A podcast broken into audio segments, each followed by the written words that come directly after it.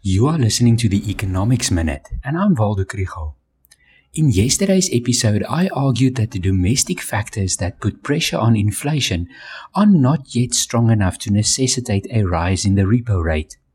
Economists expect that October's inflation figure, which will be announced later today, will show a small month on month increase of 0.2%, and that the annualized rate will remain unchanged at 5%. So, we need to talk about the foreign factors that may play a role in the possible increase of the repo rate. The most important of these is the interest rate differential between South Africa and the US. Because interest rates on South African bonds are relatively high, they are attractive to foreign investors. Until the beginning of October, foreigners bought a net amount of 21.9 billion rands worth of bonds this year the inflow of dollars to buy bonds supports the rand.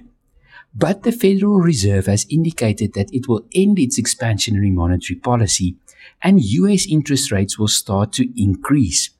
To maintain the interest rate differential, South African interest rates will have to start increasing as well. I must emphasize that the Monetary Policy Committee is not trying to protect or manage the value of the rand. It's still about inflation. The price of fuel and the prices of agricultural commodities are affected by the exchange rate, and this can feed into domestic inflation.